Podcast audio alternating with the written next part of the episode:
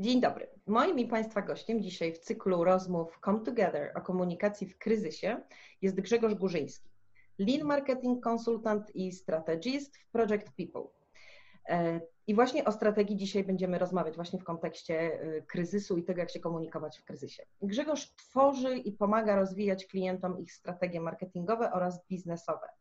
Zdobywał doświadczenie w NGO, korporacji, startupie, MŚP, jak i agencji i to wszystko daje mu takie holistyczne spojrzenie na, na biznes, które oczywiście wykorzystuje w swojej pracy z klientami. Współpracował z Facebookiem przy globalnym projekcie Developer Circles e, i tylko od stycznia 2019 prowadził lub uczestniczył w kilkunastu projektach strategicznych.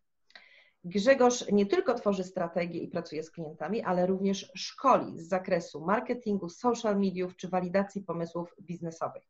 Stał na scenie innymi Social Media Week Warsaw, Boss Festival, PR Camp, czwartków social media czy Crash Mondays. Doświadczony mówca e, i rozmówca. Miłośnik podejścia Lean Startup, podróży i dobrego jedzenia. Cześć Grzegorz, mam nadzieję, że o niczym nie zapomniałam. Cześć Kinga, dzięki wielkie za zaproszenie. Myślę, myślę że o niczym. Że wszystko ok, powiedziałam. Wszystko Dobrze. Okay, jak najbardziej. korzystam ze swoich notatek, żeby niczego nie pominąć. E, Grzegorz, e, kryzys, kwarantanna. Wiele stacjonarnych biznesów właściwie przestało mieć e, w tej dziwnej i trudnej sytuacji rację bytu. Ludzie zaczęli więc szukać innych opcji i sposobów na działania w online właśnie. I teraz chciałam Ciebie zapytać, jako specjalistę od budowania strategii biznesowych i marketingowych, również właśnie w online i w social media, co doradzasz w takiej sytuacji? Czy raczej szybkie działanie i takie mm, jak najszybsze dostosowanie się do sytuacji, czy jednak krok do tyłu, chwila na zastanowienie się, rozpisanie chociaż jakiegoś podstawowego planu działania? Jak ty, y, y, czy doradzasz teraz klientom, czy jakie jakby masz podejście mm, do tego tematu? Mhm. E, wiesz co, myślę, że e, zrobiłbym taką kombinację tych dwóch, których powiedziałaś, czyli i to, i to, bo ja generalnie zajmuję się strategiami marketingowymi, biznesowymi, employer brandingowymi, tak jak powiedziałaś, natomiast większość ludzi kojarzy działania strategiczne z takim bardzo długotrwałym działaniem, planowaniem, które nie są związane z takimi natychmiastowymi działaniami, a to nie do końca tak wygląda, bo e, częścią strategii też są tak zwane quick winy, czyli rzeczy, które można wprowadzić natychmiastowo i które mogą jakby w danym momencie, w pierwszym tygodniu od stworzenia strategii dać już jakiś efekt biznesowy e, dla danej firmy, dla naszego klienta w wypadku Project People akurat. I do tego my pracujemy staramy się akurat pracować sprintowo, czyli pracujemy tak jak y, ludzie z IT, jak programiści, czyli pracujemy w takich y, tygodniowych sprintach, czyli za każdym tygodniem pracy dostarczamy jakąś wartość dla klienta, która może być od razu wprowadzana. E, więc e, natychmiastowe działanie tak, y, połączone z jakimś podstawowym planem, tak, tak bym to powiedział.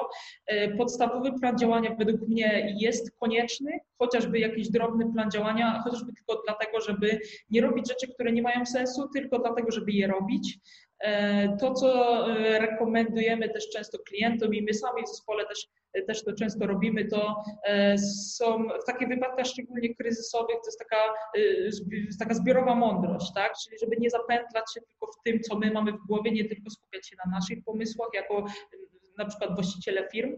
E, natomiast e, najpierw, żeby spotkać się na przykład na takiej sesji brainstormingowej, e, ewentualnie jeśli chcemy wyjść poza brainstorming, są takie sesje, które się nazywają też design studio, żeby skupić się na, na dodatkowych rozwiązaniach, nie tylko które my, jeśli mamy je w głowie, to zależy też, jaka to jest firma, czy to jest jednoosobowa działalność, czy to jest większa firma. Jeśli to jest większa firma, to tutaj zalecamy takie, myślę, dwuetapowe spotkania, czyli najpierw spotkać się z, na przykład z zarządem, czyli z osobami decyzyjnymi, żeby omówić najważniejsze kwestie, e, skupić się na tym, co mamy, jakie mamy zasoby w danej chwili, więc jak możemy już teraz odpowiedzieć na to, co się dzieje kryzysowo w związku z kwarantanną, czy, czy z innym kryzysem ekonomicznym, e, a potem do, zrobić jeszcze dodatkową sesję na przykład z pracownikami, pracownikami, ze swoimi współpracownikami, wiem, partnerami, jeśli mamy taką możliwość. E, no i jak, jak sobie myśl, myślałem teraz o tym, to, to mamy jeszcze z drugiej strony jednoosobowe działalności gospodarcze albo jakieś mikrozespoły. Ja e, też uczestniczyłem w kilku tego typu spotkaniach, są grupy mastermind, myślę, że to też jest bardzo fajna opcja w, w tego typu wypadku. Więc e, to, co, to, co zalecam, to jest natychmiastowe działanie, wprowadzanie rzeczy natychmiast po zrobieniu pierwszego planu rzeczy, które, które warto robić. Jeśli jeszcze mogę coś dodać, bo myślę, że to jest taka dosyć ważna kwestia, jeśli chodzi o generalnie strategię. Ja osobiście i my też tutaj w firmie Project People generalnie nie jesteśmy fanami robienia takich bardzo długich strategii.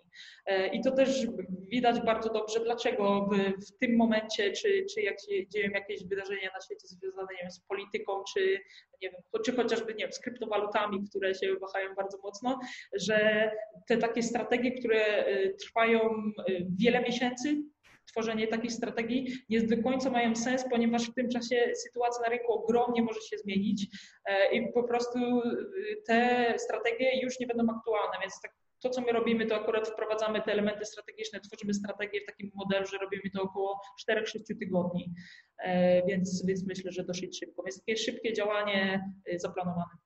Mhm. E, fajnie, że powiedziałeś o tych jednoosobowych działalnościach, tak? Bo, mm, czy właśnie mikrozespołach, bo bardzo często, e, jak ja rozmawiam też z takimi e, osobami, no bardzo często to są freelancerzy, czy tak jak ja, trenerzy, tak? Czyli osoby, które gdzieś tam działają w pojedynkę raczej i bardzo często mają właśnie takie poczucie, że są same, czy wręcz osamotnione tak, w swoich działaniach, że nie mają z kim za bardzo tego przegadać. I jak ja mówię, zróbcie burzę mózgów, to mówią, no burzę chyba jednego mózgu, wiesz. Więc e, rzeczywiście to, co powiedziałeś o mastermindach, ale ja też myślę, że mm, takim fajnym narzędziem do tego, żeby trochę weryfikować te nasze pomysły, jak jesteśmy jednoosobową czy mikrofirmą, um, mogą być również takie działania w social media, tak? Czyli żeby pytać tę naszą społeczność, nie wiem, na LinkedInie, czy jeżeli prowadzimy jakiś fanpage na, na Facebooku, czy mamy newsletter, tak, możemy wysłać też zapytanie. E, ja jestem wielką fanką tego, żeby właśnie pytać, e, czy w formie ankiety, czy krótkiego po prostu postu z pytaniem, tak, i, i mówić wprost. Pomóżcie mi, bo potrzebuję y, jakby coś przegadać, zweryfikować, tak? Wydaje ci się, że jakby, jak ty do tego podchodzisz? Może to być dobry pomysł dla, dla takich osób? Mhm. Zdecydowanie może to być e, dobry sposób, no ale tu mamy założenie już, że mamy taką społeczność, w sensie, że mhm. mamy już jakąś grupę na social mediach, zebraliśmy jakąś tam grupę e, osób, które nas śledzą, e, ewentualnie mamy nie wiem, grupę znajomych, wystarczającą dużą do tego, żebyśmy mogli nawiązać z nimi jakąś tam współpracę biznesową albo im pomóc biznesowo.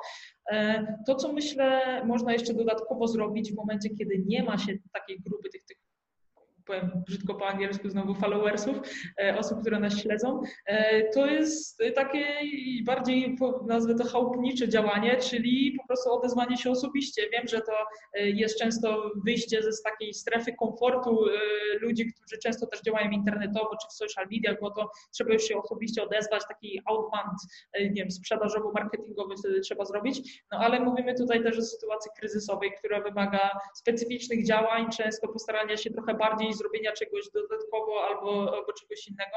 Więc po prostu odezwanie się, wysłania, nie wiem, 10, 20, 50 wiadomości prywatnych, tyle ile będzie trzeba, oczywiście e, spersonalizowanych i, i dostosowanych do osoby, z którą się rozmawia i po prostu też zapytanie tej konkretnej osoby, jakby jak, z jakim problemem, nie wiem, biznesowym się zmaga teraz, albo nie biznesowym, jeśli mamy działalność nie, jakby bardziej związaną na B2C, tak? E, czyli, czyli niekoniecznie biznesową. Więc y, y, jakby pytanie w, w social mediach, czy jeśli mamy listę mailingową, to nawet lepiej.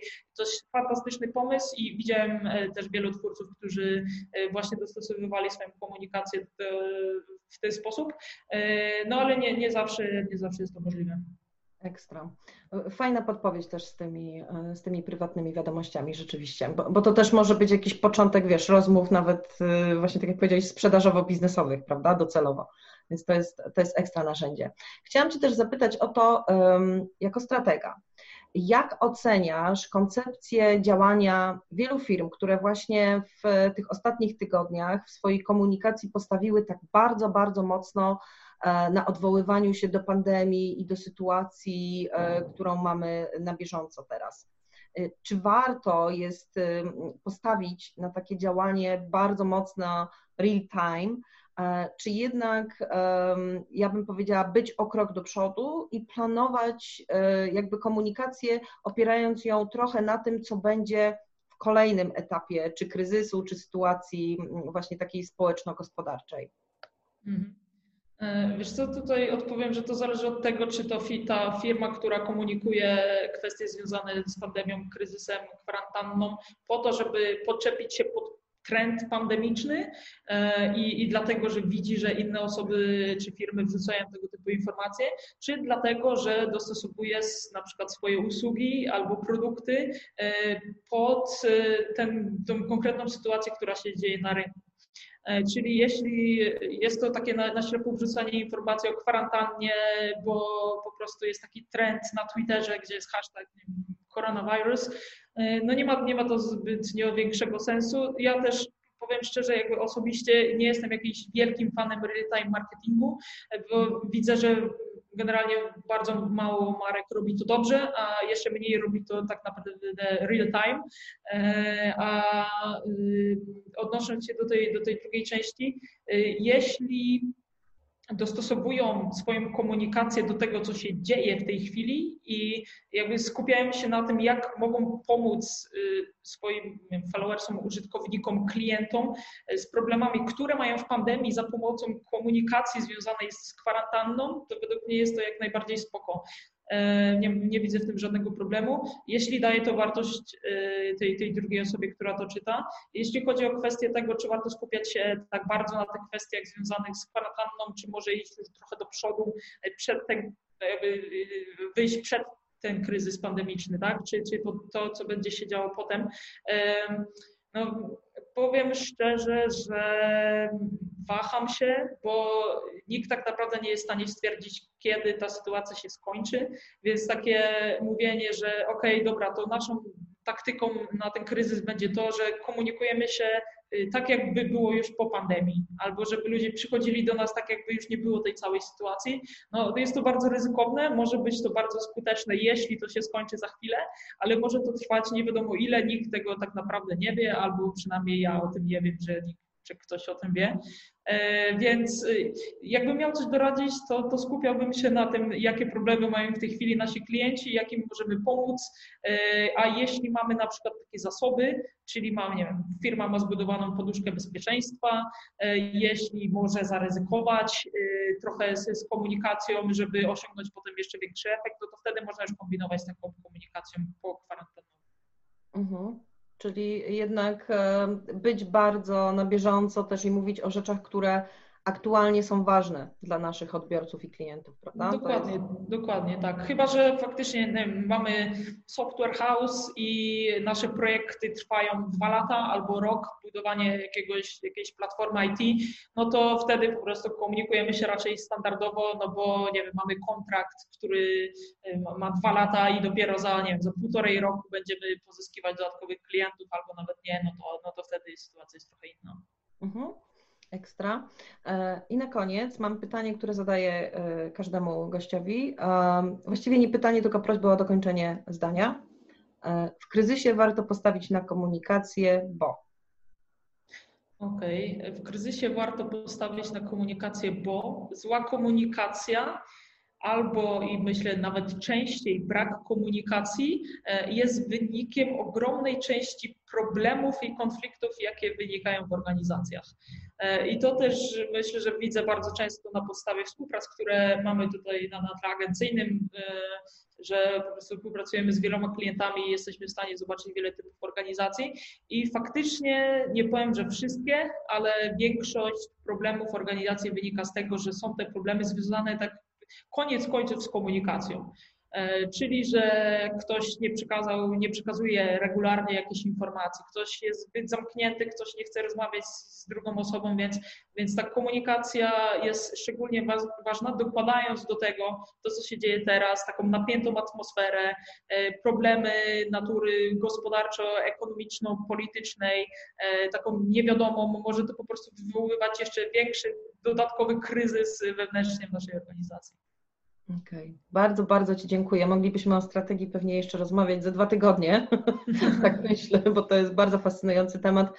E, mnie bardzo się podoba to, co powiedziałeś e, o tym podejściu linii, o tych e, sprintach i o tym, żeby działać jakby zwinnie, tak, i dostosowywać się bardzo, bardzo do sytuacji.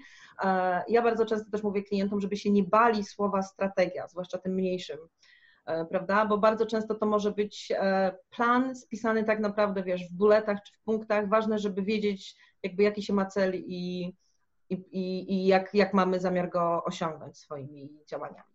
Mhm. Dokładnie tak. Jeszcze mogę dodać, że e, często, pamiętajmy, że strategia i mogę dodać do tego jeszcze marketing ma służyć biznesowi, czyli ma być, y, jakby spełniać jakąś potrzebę, czy, czy rozwiązywać jakiś problem i, i jeśli jest to strategia, która jest rozpisana w bullet pointach, tak jak powiedziałaś, i rozwiązuje jakiś problem, no to to jest super, nie musi być to dokument na, czasem tworzymy takie dokumenty, jeśli mamy jakiś bardzo, bardzo rozbudowany projekt na kilka miesięcy, y, gdzie ma kilkadziesiąt stron, ale y, strategie to, są naj, to, to jest tak naprawdę kwintesencja, najważniejsze informacje, na czym powinna się skupiać Twoja firma i, i moim zdaniem każda firma powinna koniec końców mieć jakąś strategię, czasem mniejszą, czasem większą, czasem bardziej ekstrawagancką, czasem bardziej spokojną, e, ale to jest, to jest takie myślenie strategiczne, też myślenie długoterminowe jest, jest bardzo istotne.